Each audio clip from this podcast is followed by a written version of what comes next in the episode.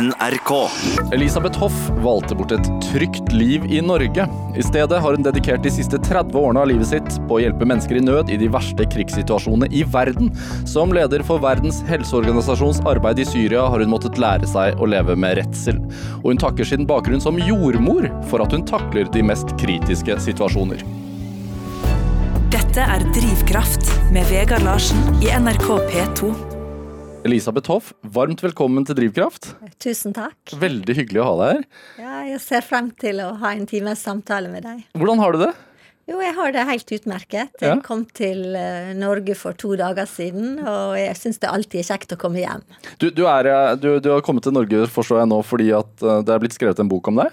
Ja. En, en slags uh, biografi?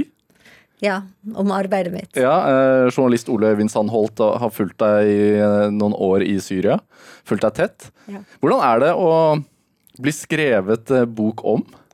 Nei, Det er en sånn På en måte en sterk opplevelse, men det, når du leser, så kjenner du igjen veldig mange sider av det selv, og så er det andre sider som du skulle ønske at det ikke var så utlevert. Så det er en sånn både-og-opplevelse. Ja. Hvilke sider er det du kjenner igjen eh, som du kjenner igjen godt i? da? Nei, det er vel det at jeg er liksom en pådriver for resultat og ønsker å drive hjelpa frem. Og så kjenner jeg også igjen det strenge og at jeg er utålmodig, da. Så, men når, det, når du leser det, så er det litt mer sånn at eh, ja, jeg er virkelig sånn, da. Så kanskje det er en del ting jeg bør forandre på. Eller at det er det som må til for å få resultat, da, kanskje. Og så jeg, jeg lurer eh, Du har jo vært de siste syv årene i Syria. eh, Et eh, veldig krigsherja Syria. Og, og når du nå ankommer eh, Nå har du jo flyttet til Libya, men, men eh, når du nå ankommer Norge eh, for to dager siden og blir møtt av plakater på Gardermoen av liksom Grandiosa pizza og norske avisforsider eh, hva, te hva tenker du da? Hva går gjennom hodet ditt da? Det er jo forskjellen, da. Ja. Fra der du kommer fra, og den lidelsen som du ser ute. Og, eh, men også en takknemlighet eh, for hvor godt vi har det hjemme i Norge. Men det som skremmer meg, det er litt av den sånn overfladiskheten som har kommet inn over de åra hvor jeg har vært ute. Da når jeg har vært ute i 30 år, så har det jo vært en voldsom utvikling. Men jeg syns også til en del så skremmende med den overfladiskheten. Og det sier jo også søstera mi da når jeg snakker med henne på telefonen, at eh, Som bor i Norge? ja, hun bor i Norge, ute i Bærum, og hun sier at eh, ja, velkommen til Disney World 3, altså. Det er det vi forholder oss til her, da. Så, men jeg følger jo med på norske aviser og leser det daglig, da. Du leser norske nettaviser og sånn? Ja, det gjør jeg. Jeg leser Sunnmørsposten, for jeg kommer jo fra Ålesund, så jeg følger med på alt som skjer der, og, og jeg leser Aftenposten, da. Men hva, hva tenker du om sånn som eh, når du befinner deg i, i Syria, og så leser du norske aviser at det er en voldsom debatt om f.eks. bompenger? Jo, men altså, det er jo det folk er opptatt av, da. Men det står jo heldigvis også en hel del om uh, Syriakrisa, også i norske aviser.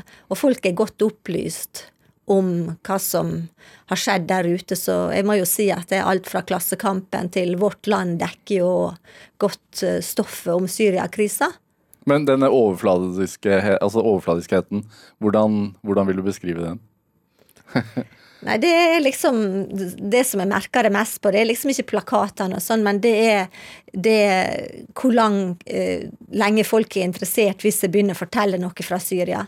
Så er det slik at eh, eh, når jeg snakker med venner og bekjente, så klarer ikke de helt å relatere til min hverdag, da, så det går fort tilbake igjen til eh, akkurat sånn som du sa, bompengene og syltetøyet og det hjemlige i diskusjonen. Da. Så det er veldig sjelden at en kan holde en diskusjon gående for mer enn fem minutter, altså om det en holder på med. Da. Hvis en ikke bruker sånne eksempel på det som en har sett eller gjort. Da. Klarer du å relatere til deres dagligdagse norske problem, da? Nei, det er vel kanskje der eh, det ligger, da, at jeg har en del av den Hodet mitt blir fortsatt igjen, enten det er i Syri- Syria eller Libya, og det skriver jo Ole Øyvind også om i boka, da. At eh, det var helt tydelig at eh, jeg kanskje hører mer hjemme der ute, hvor engasjementet mitt er størst, da. Klarer du å slappe av når du er her? Når du er på sånne korte Du skal være i Norge nå i ti dager. Klarer du å slappe av? Får du liksom roen? Nyter du, nyter du den norske vinteren og Eh, Det jeg nyter mest av alt når jeg er hjemme, det er å komme meg ut i naturen og være ute. Og det å kunne gå frem og tilbake, selv om det er til busstopp, altså, så er det liksom den friheten å kunne bevege seg. Det nyter jeg alltid. Og jeg har en egen evne til å skru av og på, da, så jeg, men det tar ofte et par dager før jeg klarer å legge ting bak meg og virkelig slappe av. Tenker du at det er en sånn frihetsfølelse som vi tar for gitt, som vi ikke tenker over? Ja, det tror jeg, altså. At eh, dette her at vi har naturen så nært, og at vi kan være ute, det eh, tror jeg at vi kan ikke forestille oss der når folk lever så tett på hverandre rundt om i verden, da, og spesielt i Midtøsten, så er det ikke noe rom for å gå noe tur, altså. Altså, du, du har jo eh, ledet Verdens helseorganisasjons hjelpearbeid i Syria fra 2012 frem til nå. eh, men du besøkte landet første gang i 2000 Ja. som turist. Ja. Eh, hva var tiltrekkende med Syria? alt, syns jeg. Men det var jo det at jeg hadde jobba ute. Første jobben min var blant palestinerne, så da bodde jeg i Kairo i et par år, da. Slik at jeg hadde allerede en tilknytning og tiltrekning til Midtøsten. Men når jeg kom dit første gang i 2000, så eh, var det utrolig hvor lite globalisert Syria var. da. Uh, og da leide jeg en bil sammen med ei italiensk venninne, og så kjørte vi på kryss og tvers av landet. Men det som slo meg det eh, helt fra første stund, det var vennligheten. Altså varmen og vennligheten, og hvor gjerne folk snakka med deg og fortalte om landet sitt og kulturen sin, og hvor stolt de var av det. da. Så dette her å sitte seg ned og, sette seg ned og ta en kopp te sammen med dem og prate og høre om livet deres, og det er jo veldig pulserende. Alle var engasjert i politikk og ville diskutere hva som skjedde i Midtøsten, samtidig som de ønska, også i dag når du snakker med dem, å dra frem at det er liksom den eldste byen i verden, er Damaskus, og Aleppo var på veien eh, på Silkeveien, lå det som en del, så de hadde alltid vært åpne i forhold til de forskjellige kulturene og utlendingene som kommer til landet. De så seg som en del av en sånn metropol, da. Så det følte jeg veldig sterkt, da. Var det mange turister der da? Nei. Det var utrolig få turister, og samtidig veldig billig og fantastisk mat. da. Og jeg syns det er viktig da når jeg er turist, så må det være god mat. Det, Billig og god mat, er det liker nordmenn. ja, det, det har mye for seg, altså. Eh, du eh, reiste jo tilbake dit. Eh, var, det andre gangen du, var det andre gangen du dro dit, i 2012? Nei, det var tredje gangen jeg dro dit. Jeg dro også sammen med ei venninne fra Ålesund, da. Eh, tidligere, hvor vi reiste til Damaskus, og så Damaskus, og så tok vi drosje over til Jordan, til Amman og til Jerusalem, da. For jeg hadde, det var en veldig nær barndomsvenninne. Og jeg hadde lyst til å vise henne litt av Midtøsten, som jeg hadde opplevd, og dele det med henne. Det som, var det som tiltrakk deg til Midtøsten? Ja. Ja. Hva syns hun da? Jeg tror hun ble veldig fascinert, da, men hun var ak ak akkurat sånn som jeg syns at ting er spennende, og ville gjerne også under huden på det som egentlig rørte seg i Midtøsten. da. Hvorfor er Midtøsten så tiltrekkende? Altså, hvorfor har det hatt en tiltrekningskraft på deg? Jeg har alltid interessert meg for politikk, da, og også eh, historie og kultur, og det har jeg jo fått mye hjemmefra. Slik at jeg, når jeg kom til Kairo første gangen og skulle jobbe der, så ble jeg jo dratt inn i hele det spenningsfeltet rundt palestinerne og israelerne, og eh, i hvordan landområdet hadde blitt eh, delt etter 48, og hva som skjedde, så det engasjerte meg. Men jeg tror mest av alt så var det varmen og vennligheten av folket og Ja, når du snakker om varmen, så er det ikke nødvendigvis temperaturen, men det er Nei. måten folkene er på. absolutt, altså. Ja. De engasjerer seg i det og er interessert og vil gjerne høre om hvordan det er i Norge, og eh, vil da også gjerne presentere sitt land og sine tanker til den som har lyst til å høre på det. Selv som blond kvinne.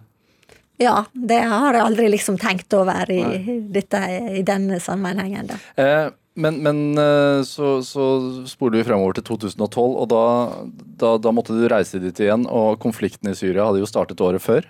Ja. Um, og jeg tenker altså Når du da setter deg på flyet, Du skal til et land du kjenner, er litt forelsket i, har vært to ganger tidligere, møtt mennesker, syns, syns at det er et, er et godt land å være i. Uh, men du vet at borgerkrigen har startet. Ja. Uh, du aner ikke hva du kommer til. Hva, hva går gjennom hodet ditt i det flyet da? Nei, det var egentlig også før jeg gikk på flyet, da. Så eh, kom jeg fra Genéve, og så skulle jeg fly til Amman, og direkte fra Amman inn til Damaskus. Men når jeg kom til Amman, så satt regionaldirektøren og venta på meg på flyplassen. Slik at jeg, da begynte jeg å lure på hva som egentlig skjedde for at han var kommet. Og da Altså regionaldirektøren for for Verdens helseorganisasjon. Ja. Og da så For det er ikke vanlig. Nei, det er slett ikke vanlig altså, at han tar tid til å komme på flyplassen og hele veien fra Kairo til Amman. Da.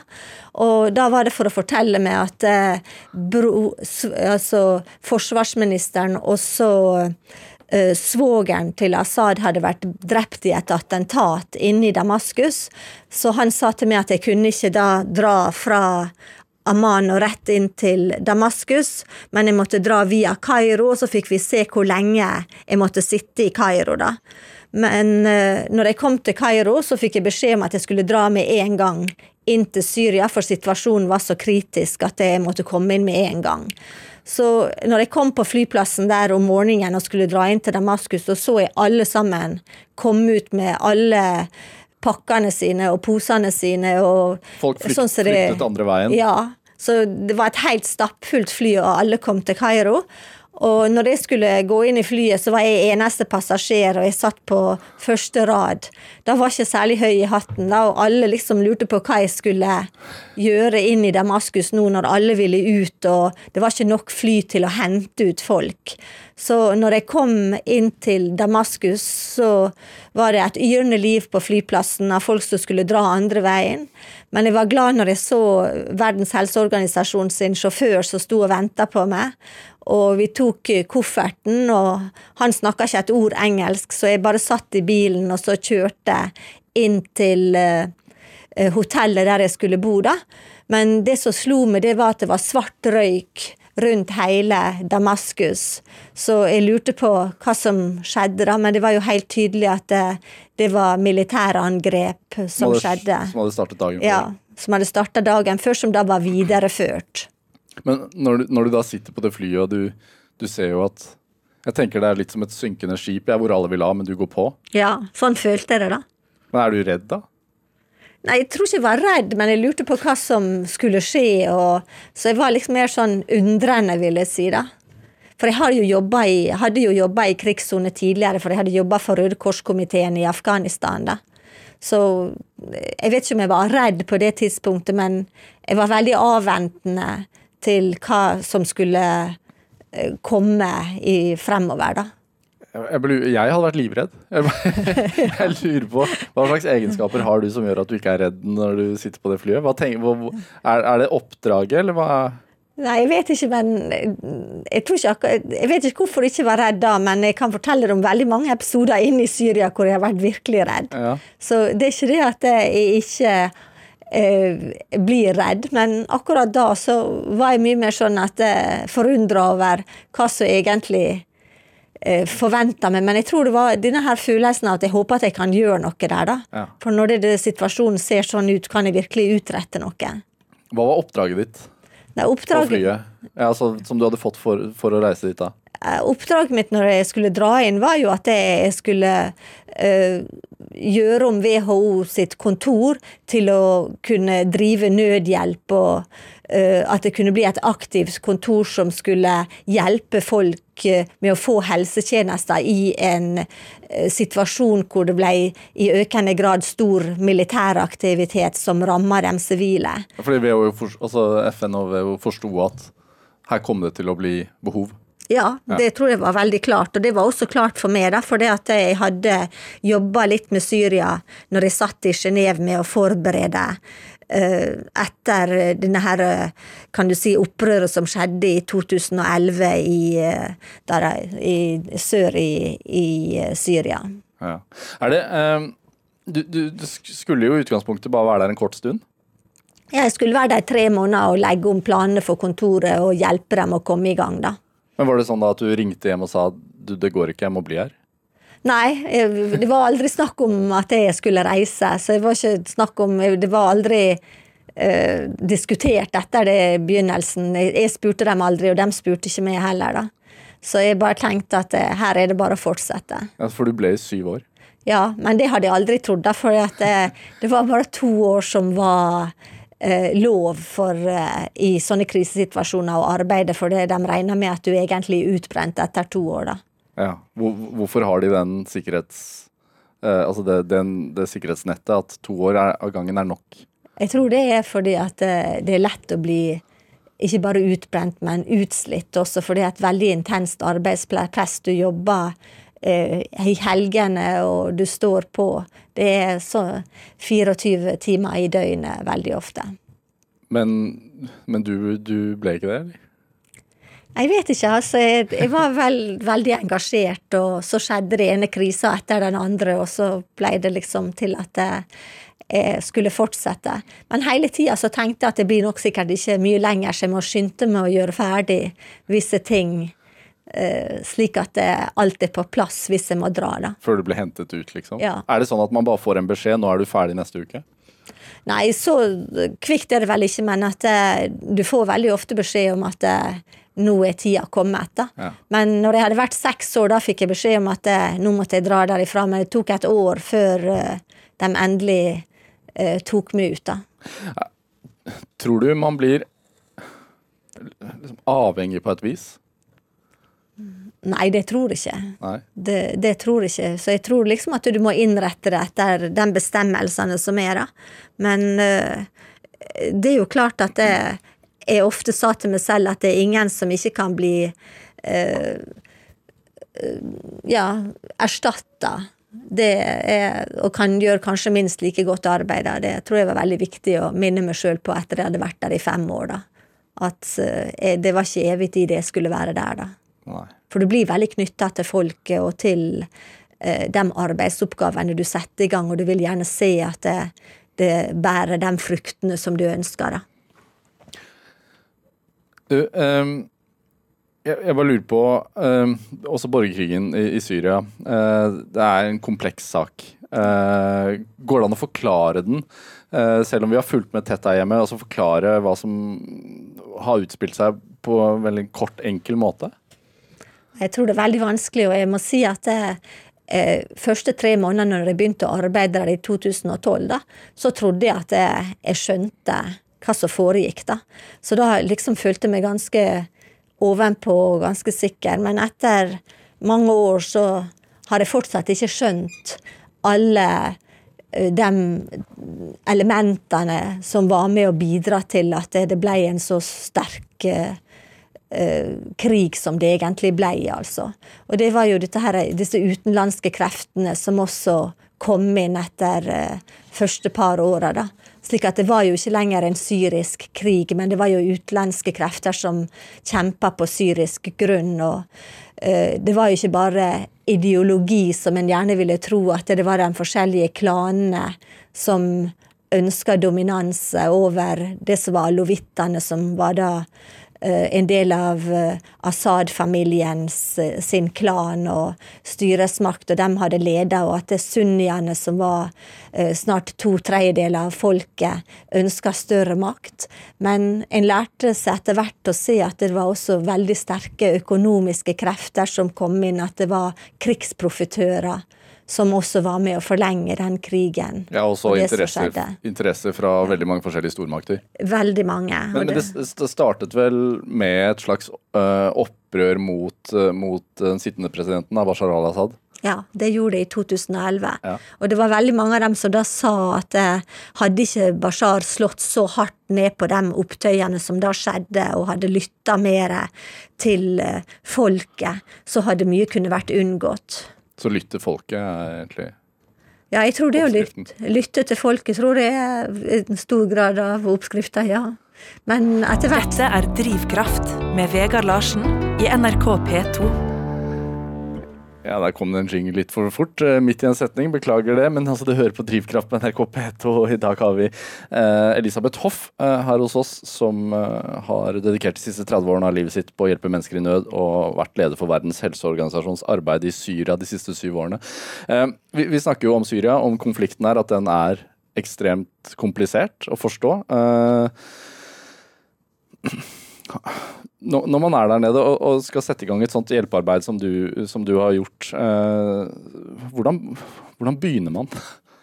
Nei, Det var jo det som skjedde når jeg kom inn den første dagen. da, eh, Fra flyplassen, og jeg så all den svarte røyken rundt. Og jeg snakka litt med de medarbeiderne på kontoret som hadde begynt. De kom til hotellet, for vi ble jo lukket inne der, da. Da var det liksom å sette seg ned og legge planer for hva som skulle skje fremover.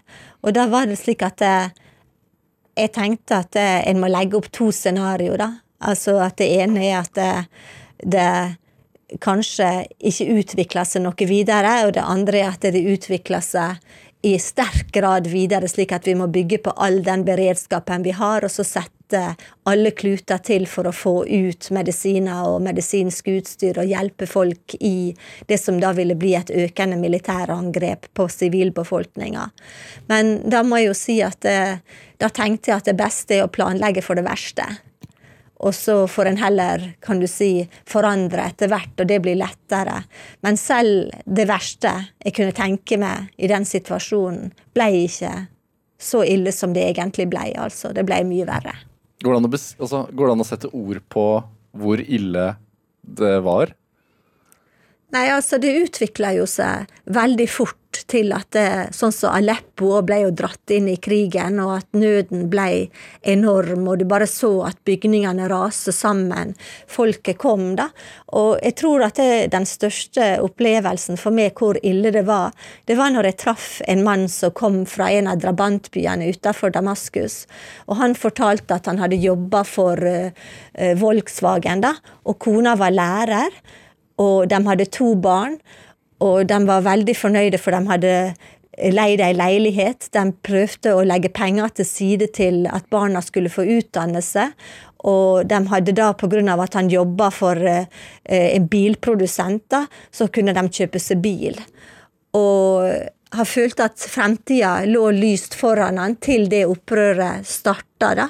Så eh, ble jo drabantbyene av Damaskus dratt veldig fort inn i krigen. Så det som skjedde, det var først så mista han bilen. da. At bilen som var parkert i gata, ble ødelagt under opprørene som altså som skjedde rundt huset der han bodde. Og da trodde han at uh, dette var liksom omtrent verdens undergang, for han hadde tatt lån og skulle betale dette tilbake. Så ble det jo mye større krigsaktivitet i det området, så de måtte flytte derifra. Og da flytta de inn i ei leilighet hvor det bodde slektninger, og det bodde 12-13 mennesker på ei toroms leilighet inne i Damaskus, og de spurte seg selv hva er det livet består av.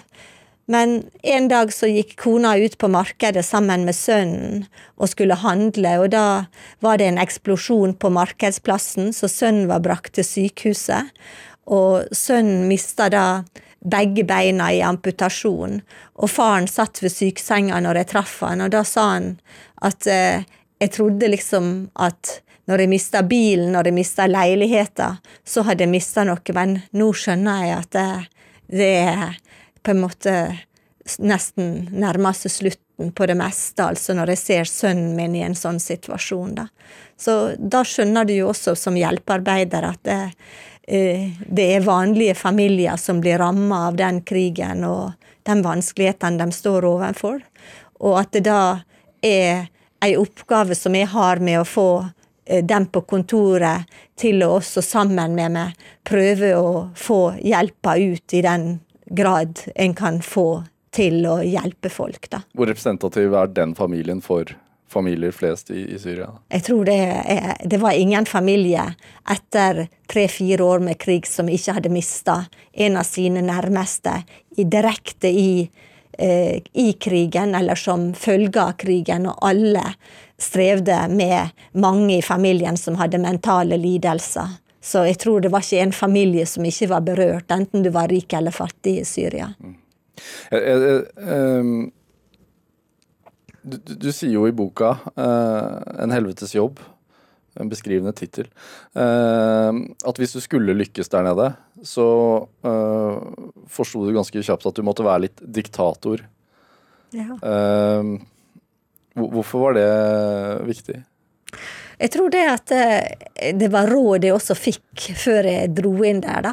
Spesielt jeg nevnte min uh, første sjef der, som var regionaldirektør for Verdens helseorganisasjon. Han hadde vært utdanningsminister i Irak og var fra Irak selv, og helseminister når han kom til jobben. Og han sa at uh, hvis du som kvinne skal lykkes i et så mannsdominert samfunn, og at du skal få staben til å følge instruksjonene du gir i en så kaotisk situasjon, så må du være klar i dine instrukser. Du må ikke avvike, og du må holde rett linje hele veien. Da. Så det var øh, vanskelig, syns jeg, å ta på seg sånn rolle, men strenghet ble en del av hverdagen. Men ikke det at jeg ikke kunne vise empati for den situasjonen som de hadde, men jeg måtte hele tida fortelle staben min at vi er her for å hjelpe andre, vi er privilegerte, vi har mye høyere lønn som FN-ansatt. og eh, det er for en grunn. Det er for at eh, vi må eh, til dels gi livet vårt for de andre å prioritere at de får den hjelpa de skal ha. Da. Så jeg kjørte ei veldig hard linje, men jeg så jo også at hjelpa kom frem. Vi fikk levert 18 millioner medisinske behandlinger hvert år. Vi fikk hjelpe syke, vi fikk uh, ta oss av og sørge for at de ble transportert til hospital. Vi hjalp uh, dette her med frivillige organisasjoner som ønska å gjøre en innsats. Så jeg så jo absolutt resultat av det vi da dreiv frem av hjelpearbeid. Jeg tenker jo Et sånt type arbeid er jo uh, drevet av mye empati, men man må jo også for å kunne være der eh, og være i sånne situasjoner så lenge, så, så blir man vel litt sånn hard også? Ja, jeg tror det er veldig viktig at uh, en må være klar på det som er oppgaver. og uh, Det var i grunnen synd i alle. Men en må vite helt klart hva en har som målsetning at en skal oppnå. Får man litt sånn et hardt hjerte etter hvert for å klare den type jobb? Jeg ser jo at han Ole Øyvind skrev om det et par ganger, men jeg vet ja. ikke om uh, Du kjenner deg ikke igjen i det? Jo, jeg kjenner meg igjen i at det, det beslutningene Men jeg vet ikke om det er for hjertet er hardt, eller om det er fordi at det, en har en annen målsetning som ligger bak i hodet. At det, er grunnen til at det er sånn. Altså, det er ikke fordi at hjertet er hardt, men det er for at en må se at en skal hjelpe hele befolkninga, og ikke bare enkeltindivid. Jeg, jeg, jeg tenker, eh, bare for å eh, male et bilde av hvor kompleks situasjonen i Syria var, fordi det så, var så mange eh, interesseorganisasjoner, holdt jeg på å si, og så mange forskjellige makt, eh, maktkamre der, og, og eh, som, som, jo også gjorde det vanskelig å drive den type hjelpearbeid. Og, og i boka eh, 'En helvetes jobb' så, så beskrives en situasjon og en hendelse utenfor Madaya ja. um, som, som, jeg syns liksom tegner et godt bilde av liksom, hvilke forhold du jobbet under. Ja, det var en opplevelse som sitter i meg, og jeg ofte tenker på enda. Da. Det var en, en januarnatt hvor vi kom inn til Madaya, og Madaya hadde vært beleira. Hvor Madaya, Madaya er? Madaya ligger 20-30 minutter utenfor Damaskus. Ja. Kjøretur. Det var en, egentlig en velstående kommune utenfor eh, hvor de hadde Eh, sånne rene vannkilder. Da. Så det var kjent, og syrerne dro dit ofte selv for rekreasjon og avslapping. Og det var en forholdsvis rik drabantby til Damaskus. Da. Og der så uh, hadde da uh, den politiske kreftene utspilt seg i stor grad, slik at de hadde vært beleira i seks måneder. Og de siste ukene før vi kom inn med maten, så hadde det vært veldig sterk beleiring av uh, de forskjellige, altså både Hizbollah fra Libanon og Iran og uh, styresmaktene da inne, så i uh, opposisjon inne i Madaya. Da. Altså ingen forsyninger kom inn eller ut? No, nei, nei og det kosta 300 dollar, altså kan du si over 2000 kroner, og så skulle kjøpe seg en kilo med ris. da. Så de, alle familiene som var der inne, hadde brukt opp de sparepengene de hadde og det de kunne selge for å kunne kjøre, kjøpe mat, men det var steinhard beleiring, altså. Og det som gjorde at folk var i live, egentlig, da, det var akkurat det som jeg sa, at de hadde disse vannkildene. Så de hadde rent og næringsrikt vann, altså. Men når jeg kom inn den kvelden, så var det med en sånn stor uh, konvoi, da. Og alle sto vi utafor og venta og prøvde å forhandle med dem som kontrollerte disse her checkpoints, da, for å så kunne komme inn. Og så kom de tilbake og så sa de at eh, lederen for Verdens helseorganisasjon kunne få komme inn og forhandle med eh, dems opposisjonslederne om eh, dette her med at vi skulle få da komme inn med maten, og vi fortsatte forhandlingene med dem som kontrollerte check, eh, altså det checkpointet. Da. Ja, for da står dere utenfor byen. Dere har med masse forsyninger, Ja. og dere veit at bare innenfor denne checkpointen, et par hundre meter, så er det masse mennesker som er liksom på virkelig Altså sultens rand, liksom. Ja. Ja. Og da kommer jeg inn der på markedsplassen, da, og det er helt mørkt og jeg er aleine. ja, for du slapp inn aleine. Ja, og det snødde, og det var snø i lufta, men fuktigheten og det er liksom sort asfalt, veldig mørkt.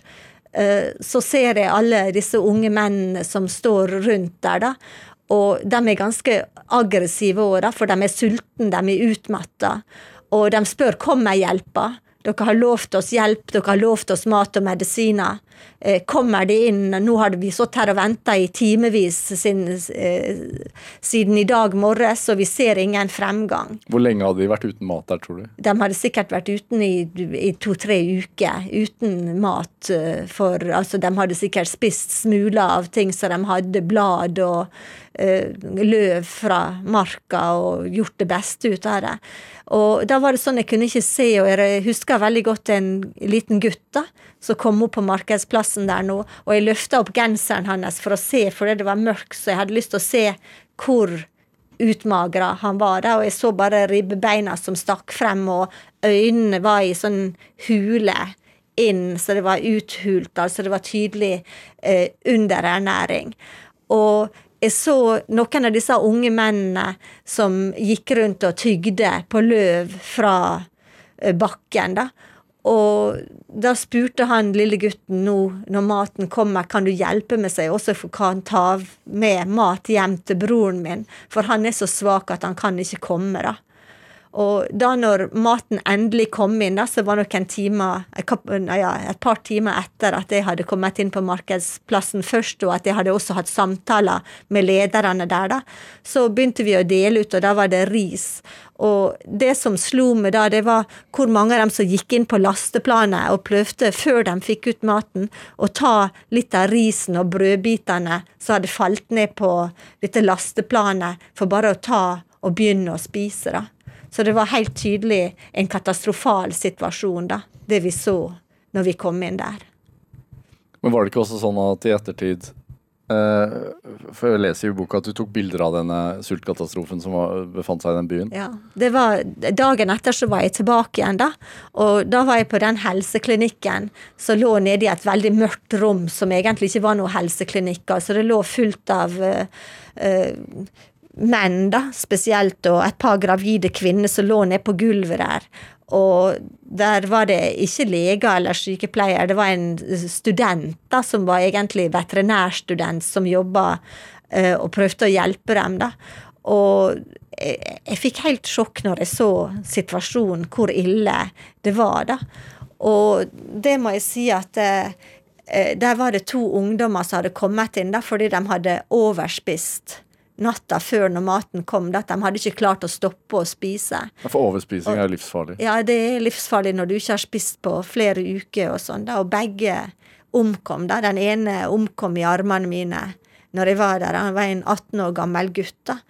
Og dette tok jeg bilde av, da. Så når jeg kom tilbake igjen til eh, Damaskus og møtte med viseutenriksministeren, så eh, fikk han tårer i øynene og ringte til den øverste militærlederen og uh, sa at han var virkelig opprørt over det han hadde sett. Han hadde aldri trodd at det, det var så ille som det jeg da fortalte og viste bilder av. Og det er jo også noe som sitter igjen i, i minnet, som jeg tenker veldig mye på. da, Det er dette her med at det, eh, når ledelsen er sånn som de er, er ikke de klar over konsekvensene av det de gjør av krigshandlinger, altså. Men tror du ikke det? Jo, jeg tror det, altså, men jeg tror at de på en måte er også mennesker når de ser konsekvensene, så har de en reaksjon. Men jeg kunne jo aldri uh, egentlig uh, Selv om de sa at jeg var veldig nær til myndighetene og sånn, så innerst inne så bebreider jeg jo hele tida også myndighetene for alle de krigshandlingene som de utøvde over sin egen befolkning. og uh, Det er spesielt når jeg kom i kontakt med folk som hadde vært i fengsel og torturert, og jeg snakka med dem. De kom jo ofte opp til Verdens helseorganisasjon og viste resultater av det de har vært gjennom av torturbehandlinger. Det er jo, har, Vi har jo lest masse om dette, her, du har jo opplevd det på nært hold, da, men, men, de grusomme beskrivelsene av, av, et, av et, regime da, som har torturert eh, tusenvis og henrettet kvinner og barn og brukt kjemiske våpen mot egen befolkning, og som vi er inne på nå også, bruker sult som et slags våpen. da. Eh, det, du må jo oppleve også noen lyspunkter som gjør at du orker å være der. Ja, men hvis ikke så har det ikke blitt der. Nei. For det, ellers så blir det altså for belastende, da. Men jeg så jo at hjelpa kom frem, og når jeg kom på sykehuset og jeg møtte eh, barn som hadde fått hjelp mot brannskader, som eh, så ansiktet til Eh, disse barna som hadde fått protese og kunne gå igjen etter amputasjon, så er det jo klart at det, eh, det var noen av mine lykkeligste dager i Syria. da, Når jeg så virkelig at eh, vi kunne hjelpe dem. Da Da er det verdt det? Ja, absolutt. Det. Så det følte jeg var aldri i tvil om at det, det, innsatsen ikke var verdt det når man opplever alle disse ugjerningene som blir begått, blir du fylt med sinne da? Ja, det hendte ofte, og det tror jeg han Ole Øyvind beskriver veldig godt i boka da jeg kom opp til Kamisli. Kamishli. Det er jo der krigen raser nå, med kurderne og tyrkerne. Eh, støtt, altså hvor kurderne nå er støtta av syrerne. Men der var det jo Jeg syns at eh, de syriske Eh, myndighetene i disse områdene ikke lot medisin og medisinsk utstyr komme inn til befolkninga som virkelig trengte det der oppe, som gjorde en kjempekamp mot eh, ISIL, da, og den islamske fronten der. Og det må jeg jo bare si at det, uh, det opprørte meg noe så voldsomt at uh, da tok jeg bladet fra munnen og sa ganske kraftig fra, fra Men når jeg leser det i boka, så tenker jeg at uh, uffa meg, altså. Dette her jeg vet ikke helt om uh, er helt bra. Jeg burde sikkert moderert meg. Jeg syns det er veldig menneskelig å reagere på den måten. Uh, du har jo også fått litt kritikk for, for å samarbeide med regimet. Ja. forstår du kritikken? Ja, det forstår jeg veldig godt, men jeg tror at jeg, jeg, ofte tenkte at jeg skulle ønske at den som kom opp med den kritikken, eh, kunne komme og jobbe innad i eh, det regimekontrollerte området for å forstå hva som var nødvendig for å få hjelpa ut og kunne komme til nytte. da. At det var en grunn til at en måtte ha et, en konstruktiv dialog med styresmaktene. Og det syns jeg at det, ofte var lite forståelse for. Det var en nødvendighet for å få hjelpen frem? Ja, ikke bare det, men eh, skulle vi få visum for folk for å komme inn? Skulle vi få godkjenning for å få mat inn til Madaya? For det var jo dem som satt på, eh, kan du si, all myndighet til å skrive under på våre eh, forespørsel om at vi kunne sende medisiner og medisinsk utstyr til krigsområdene, til fronten og til å kunne gjøre noe. Så hvis vi ikke hadde en åpen dialog med dem, så var det ingenting som kom frem. Hvor, mye, hvor viktig er det å kunne det politiske spillet når man driver hjelpearbeid på den måten? I hvert fall hvis du skal være leder for det, så må du virkelig kunne det. Og det som jeg tror var utrolig viktig, det var også at staben skjønte at det var viktig å være nøytral. og at en ikke tok side i konflikten, men at det, uansett om en hadde en klar mening om at det var mot Assad eller for Assad, eller uh, hva en mente, så måtte en uh, være klar på én ting, og det at hjelpa skulle komme de såra og syke til gode. Og uansett om eh, det hadde vært en soldat i krigen eh, mot Assad eller i eh, regjeringshæren, det øyeblikket hvor han var såra, så var han ikke lenger soldat, men han var sivilbefolkning og trengte hjelp. Så det var noe som jeg la meg på ei linje helt tidlig, at jeg fikk f.eks. Røde Kors-komiteen til å komme og snakke med de ansatte hver uke i begynnelsen, etter hvert da på månedsbasis, om Genévekonvensjonene, om internasjonal humanitær lov, og at hvor viktig det var at en hadde et klart humanitært imperativ som en handla etter. Dette er Drivkraft med Vegard Larsen i NRK P2. Og i dag har vi sykepleier og leder for Verdens helseorganisasjons hjelpearbeid i Syria. Nå i Libya. Elisabeth Hoff her hos meg. Vi har pratet om uh, Syria og hjelpearbeidet ditt der. Du er jo egentlig sykepleier. Ja, først sykepleier og så jordmor, men jeg identifiserer meg mest som jordmor, da. Ja, hvis man, hvis man skrur klokka tilbake 40 år til Ålesund, hva drømte du om den gangen? Jeg vet ikke. Jeg har vel alltid hatt dette i meg at jeg ønsker å hjelpe og gjøre noe for andre mennesker. Men jeg hadde også en drøm fra jeg var lita om å dra ut og jobbe i andre kulturer enn min egen. Hvor kom dette ønsket fra, tror du? Nei, Det tror jeg kom fra at jeg hadde ei farmor og en far som var veldig reiseglade og beskrev mye eh, av reisene sine hjemme, og at det skapte en reiselyst og interesse for andre. Og så kan du si de var politisk interessert og snakka mye om utenrikspolitikk hjemme rundt middagsbordet. Og, så at du ble liksom dratt inn i det større verdensperspektivet. Du, eh, du, du, nevner jo det at uh, det å kunne det politiske spillet er vesentlig når man skal drive hjelpearbeid i, i sånne situasjoner som dette er. Hvor, men hvor, hvor, viktig har det vært for deg, tror du, at du faktisk er jordmor? Det uh, tror jeg kanskje i sånn Det som jeg har tenkt mye, det er at det, gjennom både sykepleierutdanninga og jordmorutdanninga, så er det det viktigste det å fremme det normale helseperspektivet. At det liksom ikke bare er individet, men det er å være helt sikker på at uh, du rekker ut og kan hjelpe alle. Og som jordmor spesielt, da, så er det jo ikke en eneste fødsel som er normal før fødselen er over. Slik at du lærer til at uh, du opptrer i en fare, krisesituasjon, for selve fødselsøyeblikket er en spenningssituasjon. Og det som jeg har lært meg til, det er at når det skjer, så uh, må jeg holde hodet kaldt, og jeg må være roligere enn jeg normalt kan være. Og det har hjulpet meg veldig mye når jeg står overfor farlige situasjoner, da som jeg opplevde stadig vekk i Syria, og skulle være leder. Da er det liksom å være roligere og holde hodet kaldt. Det som gjelder når eh, bombene står på som verst, og jeg skal på en måte samle flokken rundt meg og sørge for at eh, vi får gjort det oppdraget vi har fått i oppdrag å utføre. Da, da slår liksom jordmortreningen inn? Ja, jeg gjør det, altså. det, er, det, er, ikke rier, det er bomber. Uff a meg. Ja.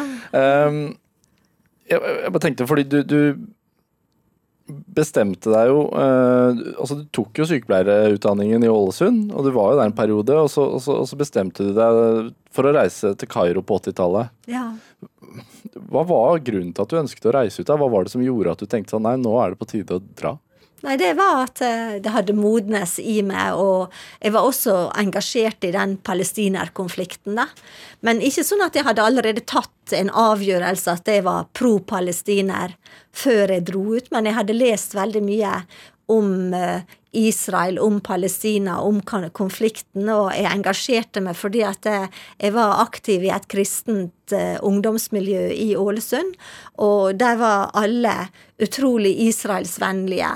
Mens eh, jeg hadde en bror eh, som er litt yngre enn meg, som var i USA og var på i San Francisco og i miljøet rundt Berkeley University og sånn, så var det en veldig sånn pro-palestinsk bølge som jeg hørte også mye om det, da, og satt meg inn i det. Og det rare var liksom at det, når jeg kom til Palestinakomiteen, så var den veldig sånn eh, ensretta. Det var bare ett syn som hjalp. Gjaldt, da, og jeg tenkte da at det, Eh, jeg er fortsatt ikke sikker på i min sak om hva som dette innebærer, så jeg ringte til hun som skulle da bli sjefen min når jeg kom til Kairo, som var en palestinsk jurist da, som uh, var ei veldig aktiv dame, og jeg sa til henne at jeg, du skjønner, jeg, må bare spørre deg om et par ting, og det er at jeg er ikke helt sikker på hva side jeg står på, om har det betydning uh, i denne saken, i det hjelpearbeidet jeg skal utføre. Så sa hun etter hvert så vil det nok få betydning betydning, men jeg foreslår at det, du kommer hit, og så blir du her noen måneder, og så gjør du opp din egen mening når du drar inn, når du ser hvordan dette da utspiller seg mellom palestinere og israelerne inne når du drar inn til Gaza og på Vestbredden. Så jeg dro med et åpent sinn, men jeg følte også at de andre norske så litt ned på meg, da, for at jeg ikke hadde ei klar overbevisning.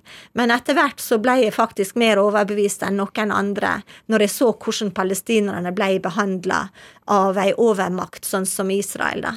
Men det var jo også vanskelig i mitt ungdomsmiljø hjemme i Ålesund, for sånn som på bedehuset, som mange av disse ungdommene som jeg var venner med, hadde foreldre som hørte til i bedehusmiljøet, de slutta jo å hilse på meg og ville ikke ha noe mer med meg å gjøre etter at jeg ikke lenger var israelsvennlig, da. Men det var det verdt? Det, om det var verdt det, det tenkte jeg aldri på, for jeg var bare helt overbevist i min sak. og fra det jeg hadde sett og opplevd, og etter hvert så har det jo bare blitt enda mer overbevist om uh, at uh, palestinerne trenger all den hjelp de kan få. Da. Er du øh, fremdeles kristen? Ja, ja, det har jeg vært helt fra barndommen av. Er, er, det en, er det en altså, er det en hjelp oppi alt? Ja, det, det tror jeg har vært drivkraften for at jeg dro ut og begynte med hjelpearbeid. da. Det er liksom veldig mye det som jeg har fått hjemmefra. Jeg kommer ikke fra et kristent hjem, da, men eh, det som var hjemme, det var veldig mye læresetninger om at uh, den barmhjertige eh, samaritan, og at det du vil andre skal gjøre mot deg, det skal du gjøre mot dem. da, Så det på en måte har lagt som drivkraften i alt det arbeidet jeg har gjort. da. Men Det er jo, det er jo setninger om nestekjærlighet. Jeg tenker ja. jo altså, når man, når man har sett så mye fælt som du har sett, ja. For meg da så blir det jo vanskelig å tenke at man kan tro på en eh, allmektig, barmhjertig Gud. Ja, Det er ikke vanskelig for meg å tro på Gud, da, men det som har vært blitt vanskelig for meg, det er å tro på det gode i mennesker. Det har jeg slutta å tro på, altså. At jeg tror ikke at mennesket er godt på bunnen, da. Jeg tror at det, det, er sånn som vi blir opplært og får lagt i oss, altså mellom, med gode retningslinjer og uh, kan du si, bli fremelska av foreldre, av skole, av samfunnet vi lever i. da. Men jeg tror ikke at det mennesket er gått lenger på bunnen av seg selv. da. Hva er det som har gjort at du ikke tror det? Det er alle handlingene jeg har sett fra den tida jeg har vært i Afghanistan, i jobba i Rwanda, i Syria, så har jeg mista troa på det. At man kan styres til å utføre grusomheter? Ja, det så jeg også i Syria på når du sier at det er regimevennlig, så var jeg slett ikke blind for de handlingene som regimet utførte mot sine egne. Så det så jeg til daglig. Jeg, jeg tenker sånn Når du har opplevd og sett så mye elendighet, så, så blir man jo gjerne merket av det. Uh, hva, hva, tror du at det har gjort med deg? Jo, altså, jeg, jeg tror at det akkurat det som jeg sa, da, at jeg har mista troa. Altså, jeg Jeg har ikke så mange illusjoner igjen om at uh, dette her at uh, ethvert menneske er godt på bunnen. Altså, jeg tror du må på en måte legge uh, Du må så det hver dag, og at det må gro frem, da. Og samtidig så tror jeg at vi, selv, vi, er selv ansvarlig for de handlingene vi gjør, og vi skal en dag svare for det. da. Det tror jeg. Helt bestemt. Um, altså jeg, jeg tenker jo, du kunne jo valgt en normal tilværelse med hus og bil og familie. Ja. Er det Skjer det at du har, kan savne det valget du har gjort? Nei, men jeg var alltid redd for at jeg skulle få et sånt A4-liv, da. Okay. Det er sånn Volvo og to barn i baksetet og, og liksom sånn, det har liksom aldri vært noe som jeg har drømt om, da. Jeg har mer drømt om å dra ut og kunne hjelpe og bruke utdanninga mi for å rekke ut til flere enn akkurat det jeg ville ha gjort hvis jeg vokste opp hjemme i Ålesund. Og... Men der har jeg hatt ei spesiell sånn driv til, til å gjøre det, da, som andre ikke har hatt, men jeg har full respekt for at eh, andre hjelper på sin måte. Når, når, du, når du snakker om at du har, du har sluttet å tenke at mennesket er liksom godt i bunnen, eh, og hvis du ser, ser på eh, borgerkrigen i Syria, eh, ha, som jo har rast i, syv-åtte år, altså, har den ført til noe som helst, bortsett fra elendighet og ulykke?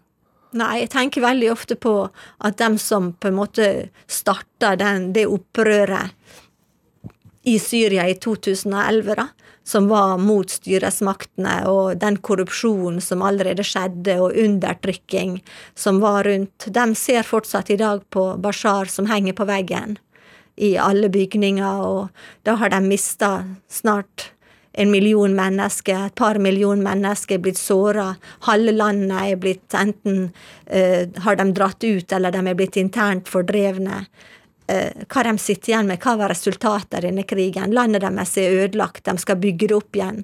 Uh, hjelp kommer ikke utenfra for å bygge opp igjen landet, for de sier at de er ikke enige med Bashar. De føler seg forlatt.